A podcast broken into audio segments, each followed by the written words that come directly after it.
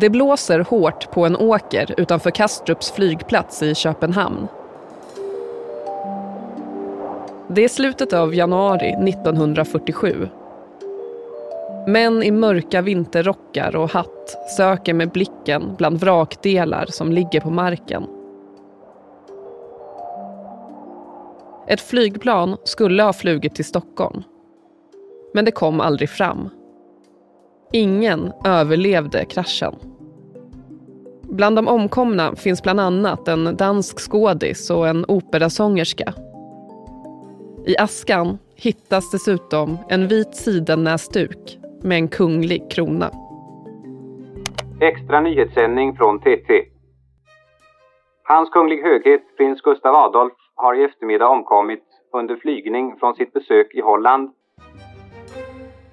Och hemma i Stockholm, på Haga slott, finns prins Gustav Adolfs nyfödde son, Carl Gustav. Från Dagens Nyheter. Det här är Spotlight. Idag om Karl XVI Gustavs sorg och olyckan som förändrade allt.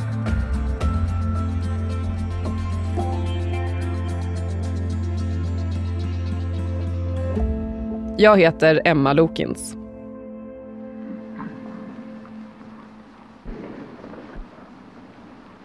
Hundratals personer står upp i Slottskyrkan när prästen kupar sin hand för att fiska upp vatten från dopfunten.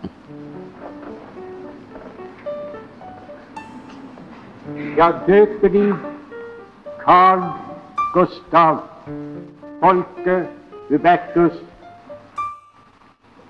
i Faderns och Sonens och den helige Andes namn. Amen. Bland gästerna finns flera politiker, statsminister Per Albin Hansson och kungligheter som huvudpersonens fadder, kronprins Olaf av Norge. Den nyfödde prinsen är den första arvprinsen i kungahuset efter det prins Karl Johan föddes den 31 oktober 1916. Carl Gustav bär samma dopklänning i vitt linnetyg som hans pappa gjorde vid sitt dop och han vilar på en ljus kudde med volanger när prästen sträcker över honom till hans mamma, prinsessan Sibylla. Det här är en eh, historisk händelse och alla ska känna att det är en historisk händelse. Den lille prinsen döps i Karl XIs dopfunt som står på Gustav IIIs matta. Och han får vila en stund i Karl XIs vagga och som är Oscar IIs krona bredvid. Åsa Bäckman, du är biträdande kulturchef här på DN.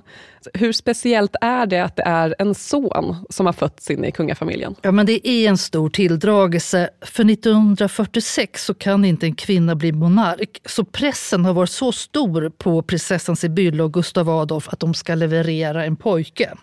De har fått fyra flickor i rad. Margareta, Birgitta, Desiree och Kristina. De som brukar kallas för Hagasessorna. Och nu har han då äntligen kommit, sonen. Hela nationen kan dra en lättnadens suck. För att visa att den kungliga tronföljden är säkrad fotograferas fyra generationer Bernadotte-män i samband med dopet. Det är den sittande kungen, Gustav V, kronprins Gustav Adolf, hans son, arvprinsen Gustav Adolf och lillprinsen Carl Gustav. De tre äldre männen, klädda i högtidskläder med stora ordenskedjor hängande runt nackarna, tittar ner på den nyaste familjemedlemmen. Och den här bilden på de fyra männen kommer att bli ikonisk. För det är första och sista gången som den här konstellationen fotograferas tillsammans.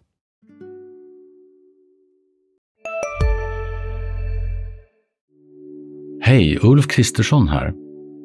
På många sätt är det en mörk tid vi lever i. Men nu tar vi ett stort steg för att göra Sverige till en tryggare och säkrare plats. Sverige är nu medlem i Nato. En för alla, alla för en. Vi är specialister på det vi gör, precis som du. Därför försäkrar vi på Swedea bara småföretag, som ditt. För oss är små företag alltid större än stora Och vår företagsförsäkring anpassar sig helt efter firmans förutsättningar. Gå in på swedea.se företag och jämför själv.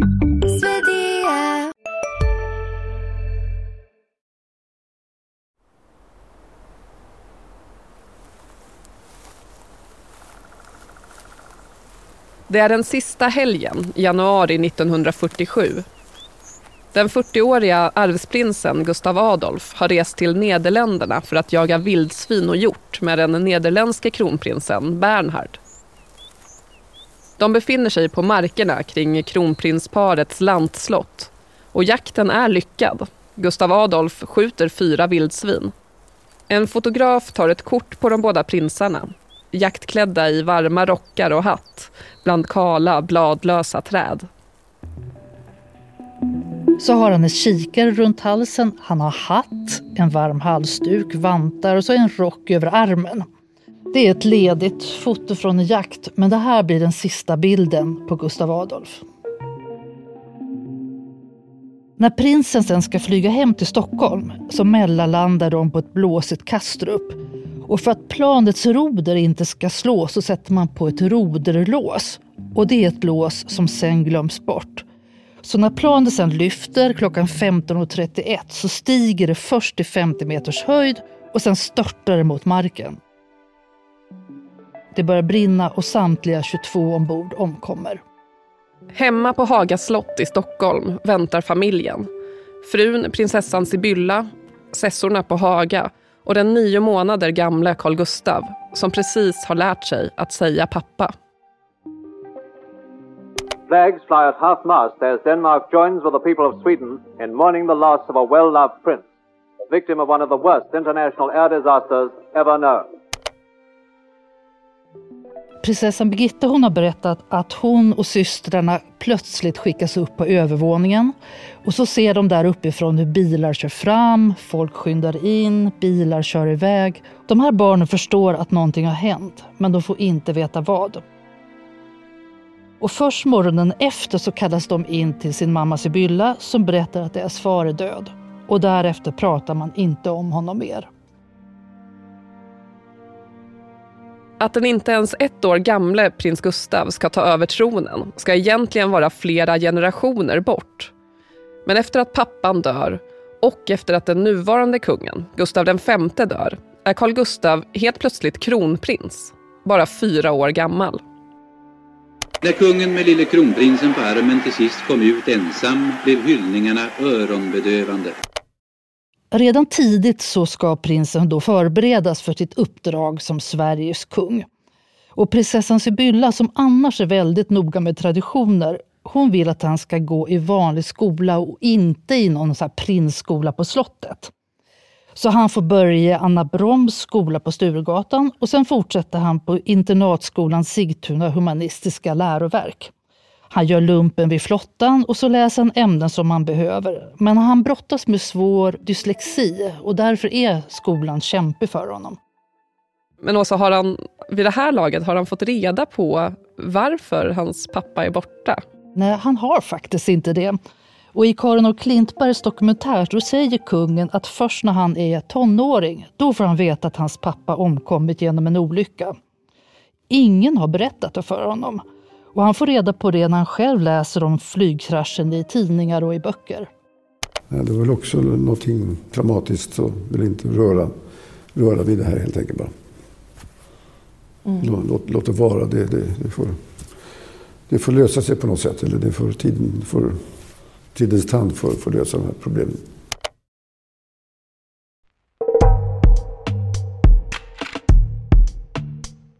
Det är 1973 och prins Carl Gustav har blivit vuxen, 27 år. Och han syns ofta på bilder från populära diskon i Stockholm.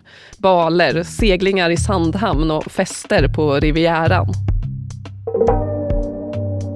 Ja, han är verkligen hårdbevakad i skvallertidningar på 60 och 70-talet. Och man ser honom i pilotglasögon, vita jeans och uppknäppt skjorta. Och så går det förstås en massa rykten om honom och olika kvinnor som fotograferna fångar när de sitter bredvid honom i sportbilar och båtar. Han hänger ofta med sitt killgäng som bor på Östermalm eller på olika slott runt om i landet. Den sittande kungen, alltså Carl Gustavs farfar, kung den sjätte Adolf, befinner sig däremot ofta på sitt gods i Helsingborg på vårarna och somrarna. Men den här sommaren, 1973, blir inte som alla andra. Kungen drabbas av ett blödande magsår och efter några veckor blir läget allt sämre. Under den senaste timmen har även hjärtverksamheten försämrats. Konungens familj har nu samlats på lasarettet. Kvällen den 15 september 1973 trängs journalister utanför sjukhuset. Konung Gustav den sjätte Adolf har idag, lördagen den 15 september 1973, klockan 20.35, lugnt och stilla avlidit. Runt om i Sverige stängs krogar, teatrar och biografer när dödsbudet kommer. Och 26 minuter efter Gustav Adolfs död kommer den nya kungen ut i grå kostym och mönstrad slips. Det är något så rörande tycker jag i de här bilderna. För kronprinsen går ner för trappan, kamerorna smattrar, blixtarna smäller och han ser så ensam och lite vilsen ut. Han sväljer, han vänder sig om flera gånger och så plötsligt ropar någon Ge mig kungen! Ra! Ra! Ra! Man undrar verkligen vad han tänker i den där situationen. Han är 27 år, han är världens yngsta kung och nu börjar ett liv som är helt annorlunda. Han får inte riktigt någon tid att sörja att han nu också har förlorat sin farfar. Nej, han går verkligen rakt in i arbetet.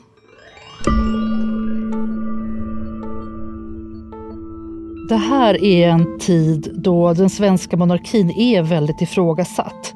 Den anses förlegad och omodern och den kostar pengar. Och sen kan man väl säga att, att monarkin faktiskt räddas in i en ny tid genom två smarta drag. I och med 1974 års regeringsform då fråntas kungen sin formella makt och hans roll blir mer då symbolisk och ceremoniell.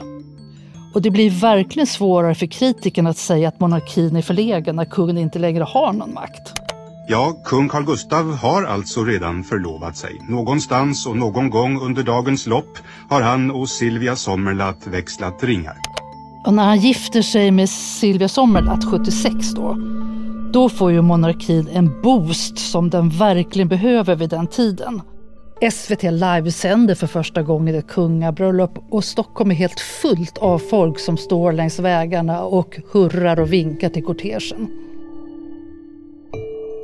Med åren så blir kungen en monark som sätter plikt och ansvar otroligt högt. Han engagerar sig väldigt ofta i så projekt som har med miljö och naturvård att göra. Och sen ska han ju inte ha någon makt, men många menar ju att han ändå har en stor inofficiell makt. Och så har han haft stor betydelse som en samlande kraft i Sverige vid katastrofer.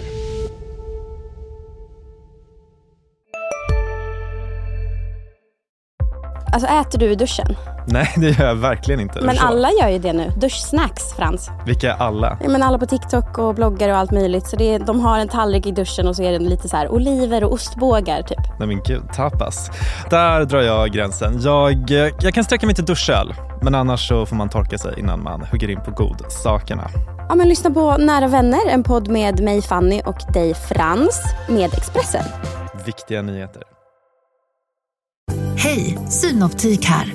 Hos oss får du hjälp med att ta hand om din ögonhälsa. Med vår synundersökning kan vi upptäcka både synförändringar och tecken på vanliga ögonsjukdomar. Boka tid på synoptik.se. Stockholms stadshus, 10 januari 2005. Det är två veckor sedan det kraftiga jordskalvet som orsakade en tsunami i Indiska oceanen. Kungen talar till alla de som drabbats, som känner någon som drabbats. Tänk om jag, som eh, kungen i sagorna, kunde ställa allt till rätta och sluta berättelsen med att sedan levde de lyckliga i alla sina dagar. Men eh, jag är precis som ni, bara en sörjande, sökande medmänniska. Och det här är första gången i kungens liv som han berättar om sitt eget livs stora sorg. Många barn har förlorat en eller båda föräldrar. Jag tror jag vet vad det vill säga. Jag har själv varit ett sådant barn. Min eh, pappa omkom i en eh, flygolycka när jag var mycket liten. Så jag vet vad det betyder att eh, växa upp utan en pappa. Jämfört med eh, många andra barn hade jag det säkert bra. Men eh, för ett barn är en förlorad förälder alltid oersättlig. I Blå hallen sitter bland annat statsminister Göran Persson, resten av regeringen och anhöriga och överlevande från katastrofen och lyssnar andaktsfullt. Annars är vi vana att se glada bilder från den årliga Nobelfesten i de pampiga lokalerna. Men nu står kungen ensam i den stramt upplysta talarstolen i stentrappan. Jag, liksom eh, många andra män i min generation, är ovan att eh, visa känslor. Men jag vill säga till alla som känner så. Våga visa svaghet, värme och känslor. Det är ett tal där kungen plötsligt blir väldigt mänsklig. Och i ett läge när Sverige har varit med om den här stora katastrofen och politikerna har fått mycket kritik för att de inte har klivit fram, då kliver han fram. I talet så förstår man också att han vet någonting om sorg. När han säger att vuxna nu måste sluta upp runt barn som mist föräldrar och syskon och vänner, då förstår man att han säger det utifrån att han själv hade behövt det. Och så riktar han ju också speciell vädjan till män i sin egen generation som brukar ha lite extra svårt att visa känslor. Det är ett ovanligt tal för att vara en statschef och just därför så förtroendeingivande. På över tusen år har ingen svensk kung suttit på tronen lika länge som Karl XVI Gustav. I september 2023 har han regerat i 50 år. Han blev den yngsta monarken i Europa när han tillträdde och nu är han en av dem som har suttit längst på tronen. Åsa, 50 år på samma jobb, det är en lång tid. Och i en mätning från DN och Ipsos i samband med 50-årsjubileet så är det många som tycker att det är dags för kronprinsessan Victoria att ta över efter sin pappa. Victoria har ju ett otroligt starkt stöd hos svenska folket. Alltså till och med republikaner brukar ju säga att hon är ovanligt lämpad för det här uppdraget. Vad är det som gör att eh, folk gillar henne, kronprinsessan, så mycket? Hon verkar ofta bekväm i officiella situationer, verkar kunna ta människor, se människor och verkar faktiskt genuint intresserad. Andra kungahus runt om i Europa har ju skakats av skandaler under de här 50 åren som Karl XVI Gustav har varit kung. Hur har hans regeringstid varit? Alltså det har ju helt klart varit skandaler här också som rykten om strippklubbar och kaffeflickor. Plus att han har ju rejält trampat i klaveret några gånger som till exempel när han lovordade Burneis diktator. Men det konstiga är att de egenskaper som brukar vändas mot honom, att han är sådär besvärad och lite ospontan, tror jag faktiskt paradoxalt nog har räddat honom i de här lägena. Det blir svårare för journalister att pressa någon som ser så obekväm och plågad ut. Han har fått oss att vända blad. Ja, han har fått oss att vända blad. För sju år sedan så intervjuade du kungaparet. Och då frågade du eh, kungen hur det var att växa upp faderslös. Vad sa han då om den situationen? När kungen pratar om något som är känsligt, då säger han nästan aldrig jag, utan man. Han säger man såg att andra hade pappor istället för jag såg att andra hade pappor. Man får en känsla av att han är en person som i sitt liv egentligen alltid varit ensam och att han har lärt sig att bita ihop kring den ensamheten. Jag vet att när jag frågade om han kom ihåg någon situation när han som barn kände sig sådär extra sedd eller hjälpt av en vuxen, då blev han helt tyst. Och han var tyst en lång stund och sen sa han det måste jag fundera på, inte spontant.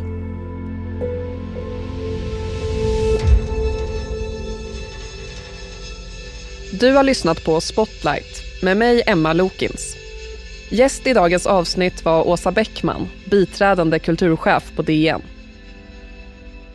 Vi vill gärna veta vad du tycker, så lämna gärna en recension på Spotlight där du lyssnar på poddar.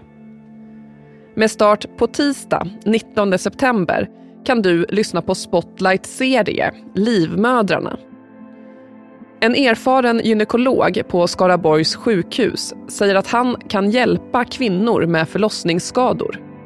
När de lämnar gynekologens undersökningsrum så är de övertygade om att det enda sättet för dem att bli friska är att operera bort hela livmodern. Men vad kvinnorna inte vet är att de har fattat ett oåterkalleligt beslut i onödan.